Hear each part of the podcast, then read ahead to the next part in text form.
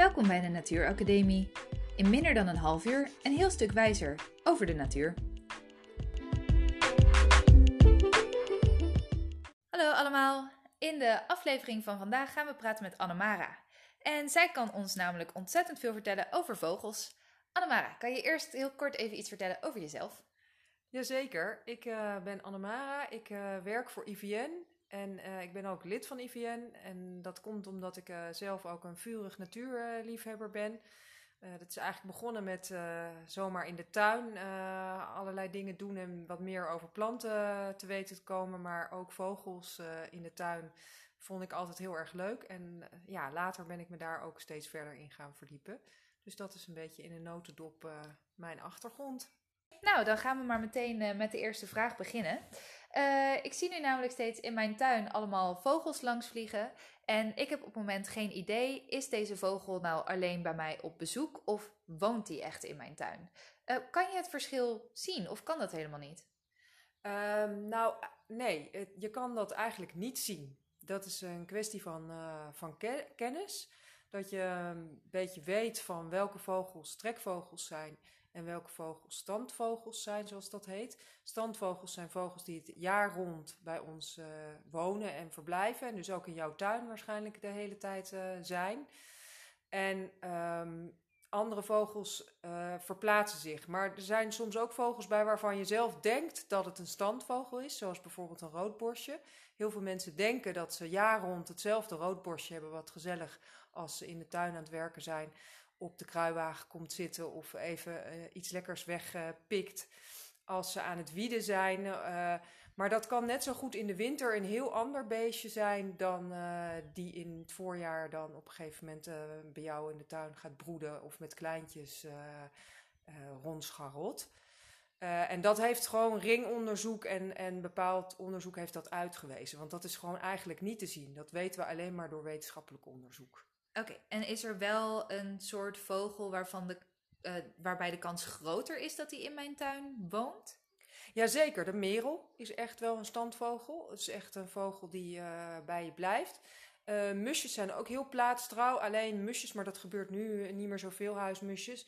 Uh, vroeger was het zo dat in de oogsttijd, dan was er heel veel graan. En dan trokken ze vaak aan het einde van de zomer wel eens bij je weg. Maar dan kwamen ze in de winter weer, weer terug, omdat er dan meer bij het huis te halen was. En dan broeden ze wel ook bij je, maar dan waren ze toch ook een periode minder aanwezig, zou ik maar zeggen. Maar nu zijn ze vaak wel het hele jaar rond uh, bij je.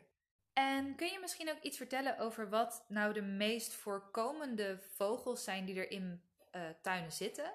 Uh, maar ook nee, kort even, hoe zien ze eruit um, en waar in je tuin zitten ze het liefst? Oké. Um, nou, het hangt wel een klein beetje van de plek af waar je woont en de regio waarin je zit, wat de vijf meest voorkomende zijn. Dus het is soms misschien iets meer dan vijf. Uh, maar de meest voorkomende uh, tuinvogels zijn nog steeds huismussen, ook al zijn die soms juist in steden weer heel erg afwezig. Dus dan zullen sommige mensen geen huismussen in hun tuin zien.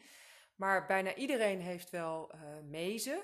En dan heb je twee verschillende soorten mezen die alle twee vaker voorkomen. Dat zijn de koolmezen en de pimpelmezen. En de koolmezen die hebben een zwart uh, petje op en een soort stropdas uh, over hun buikje, gele buikje lopen. En pimpelmeesjes zijn nog net iets kleiner, hebben ook net een iets kleiner snaveltje en hebben een lichtblauw petje en een, en een wit, wit gezichtje. En um, die uh, leven allebei uh, vooral in, uh, soms in struiken, maar die komen ook heel veel op als je vogelvoer ophangt. Dus als je een vetbolletje ophangt of een pot neerzet of dat soort dingen. Daar komen ze heel makkelijk op af. Meesten zijn daar eigenlijk nog het meeste in. mussen ook, maar dat zijn meer zaadeters. Ehm, die leven ook vooral in struiken. Die zullen niet zo gewoon een hoge boom zijn. Een, een, een meesje zal misschien wat sneller nog in een hoge boom in je tuin ook te zien zijn. Um, bovendien zijn mussen echt kolonies, dus die zijn echt met heel veel tegelijk. Terwijl meesjes soms uh, wat meer op zichzelf leven, in de winter dan weer wat minder. Nou, dan heb je natuurlijk de merel, die kent ook iedereen, ook aan zijn zang. Dat is vaak ook de favoriete vogelzang uh, voor mensen. Ehm, nou, die is wat groter, uh, zwart vaak of bruin als het een vrouwtje is en zwart als het een mannetje is met een gele snavel. En die zitten zeker hoog in een boom te zingen, maar die houden ook wel van je heg, daar broeden ze vaak in. Uh, en struikgewas. En die scharrelen ook meer als je een grasveld hebt. Bijvoorbeeld vinden ze wormen heel lekker. Zitten ze eindeloos te prikken met hun snavel totdat er een worm uh, naar boven komt. En ze schijnen die ook te kunnen horen. Soms zie je ze zo met hun koppie schuin, met een um, ja, virtueel oor zou ik haast willen zeggen, luisteren. En dan ineens komt er een worm naar boven en ze hebben hem, zonder dat ze ook maar iets doen. Dus uh, ja, en dan hebben we nog koudjes. Dat is uh, nummer vijf dan. Uh, koudjes zijn eigenlijk wat veel mensen ook noemen kraaien, maar dan is het de kleinste kraaien van de kraaien. Uh, die zijn uh, net ook weer wat groter dan een merel. Vaak zwart, soms grijs-zwart. Hele intelligente vogels. Veel kabaal kunnen maken. Maar die, uh, ja, die, komen nooit, die zitten niet veel in je struiken. Die komen gewoon gauw iets roven, maar zitten vaak hoger in bomen. Ook op je dak. kabaal te maken eigenlijk. Waarom komen dan tuinvogels dus wel naar mijn tuin en sommige andere vogels, zoals de grutto, die komt helemaal niet? Waarom niet? Ja, dat, dat heeft te maken met waar ze van houden, wat ze lekker vinden om te eten. Uh, een grutto die, heeft, uh, die houdt van uh, wormen en allerlei beestjes die diep in gras leven. Onze tuinen zijn gewoon veel te klein voor hun om aan hun voedsel te komen. Ze hebben een hele lange snavel waarmee ze heel diep in de grond kunnen gaan. En een gutto hoort dus bij de weidevogels, dat zegt het al. Dus een weide is veel groter dan, dan een tuin. Ehm, dus dat soort vogels zal je gewoon nooit in je tuin hebben. Uh, door sommige diehard vogelaars worden ze, kunnen ze wel meegeteld worden met de zogenaamde tuinlijst, zoals je dat dan uh, noemt. Want ze kunnen natuurlijk over je huis heen vliegen en dat je ze dan hoort en dan mag je ze meetellen.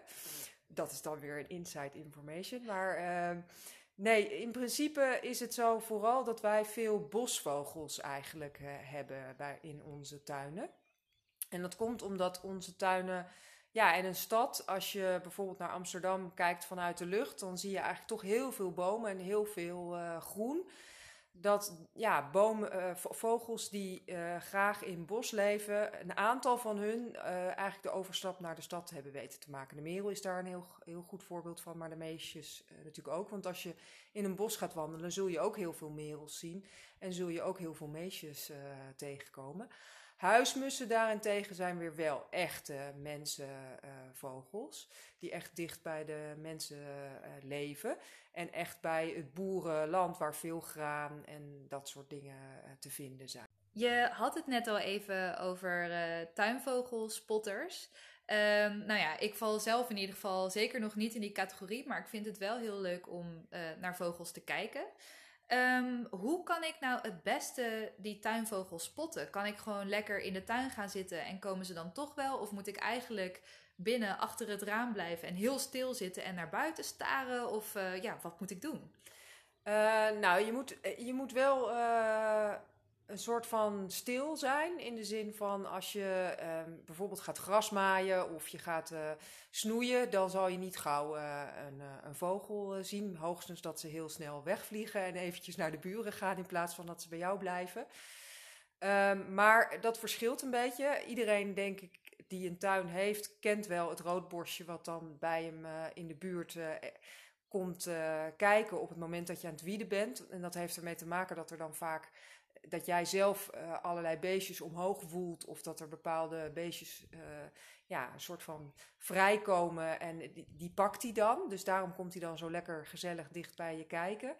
Um, maar het, heeft, ja, het is wel belangrijk dat je stilte. Je kan gewoon bijvoorbeeld een, een boek lezen in de tuin, kan heel goed.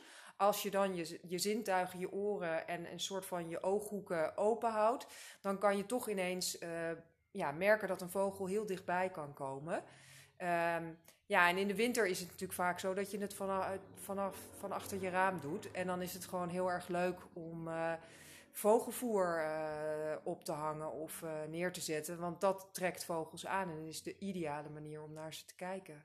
En kan je dan dus, um, of nou ja, is het mogelijk om echt als een soort Disney-prinses een roodborstje op je vinger te hebben? Uh, ik zeg altijd, uh, zeg nooit nooit. Maar het is ook niet iets wat je zo voor elkaar uh, hebt. Ik heb zelf eens een keer gehad, een periode, dat ik een... ik had een vogelhuisje aan mijn balkon hangen in Amsterdam. En daar deed ik altijd zaadjes in voor, voor musjes. En dat altijd als ik daar zaadjes in ging doen, dan was er één mannetjesmusje... wat dan juist een soort looping over mijn hoofd kwam vliegen... Hij, hij is nooit uh, op mijn vinger gaan zitten of op mijn schouder, zoals je soms met koudjes wel hebt. Ik weet ook van verhalen van uh, met name soms kinderen die uh, een hele bijzondere band met een koudje kunnen krijgen. Dat het koudje bij hun ja, aan het raam komt en wel echt op de schouder gaat zitten of iets een hele bijzondere band. Ik weet van een vorige vriend van mij, wiens, kind, wiens zoon dat een hele tijd heeft gehad, dat hij bijna een jaar lang een koudje had wat bij hem elke dag uh, kwam kijken. En uh, nou ja, als je ze te eten geeft, dan dat helpt natuurlijk wel. En dat was natuurlijk in mijn geval ook. Maar het helpt ook om jezelf um, ja, een soort van weg te cijferen in de natuur. Dus eigenlijk ook voor jezelf te doen, net te doen alsof je er niet bent. Dus ook het vogeltje meestal niet aan te kijken. Want als ik naar het musje keek, ik deed altijd, ik wende me een soort van af, maar deed mijn ding. En juist dan kwam die. En uh, dat is vaak met honden bijvoorbeeld ook zo. Dat je eigenlijk ze niet recht moet aankijken. Dan worden ze juist heel dominant en blafferig. En op het moment dat jij je ja, bescheiden opstelt, ook gevoelsmatig, dan heeft dat, kan dat een effect hebben op uh, de ander. Nou, Annemara, dankjewel dat je wat uh, wilde komen vertellen over vogels. Heb je nou nog een laatste tip? Jazeker. Um, nou, als je dus uh, ook naar aanleiding van deze podcast leuk zou vinden om meer van vogels te weten te komen, dan, uh, ja, dan is het natuurlijk een hele leuke manier om via een IVN-afdeling uh, meer te weten te komen en een, bijvoorbeeld een vogelcursus bij een IVN-afdeling te gaan volgen. Veel IVN-afdelingen hebben ook vogelwerkgroepen waar mensen vogels tellen of ook gemeenschappelijke vogels gaan kijken. Dat is ook een hele leuke manier om je te kunnen optrekken aan mensen die al veel uh, meer weten dan jij. Zo heb ik dat ook gedaan. Bovendien is het vaak zo dat als je samen vogels gaat kijken ergens, dat je ook veel meer ziet. Je ziet gewoon met meer ogen ook uh, meer dingen. Dus uh, ja, dat is zeker een, een suggestie. Dankjewel.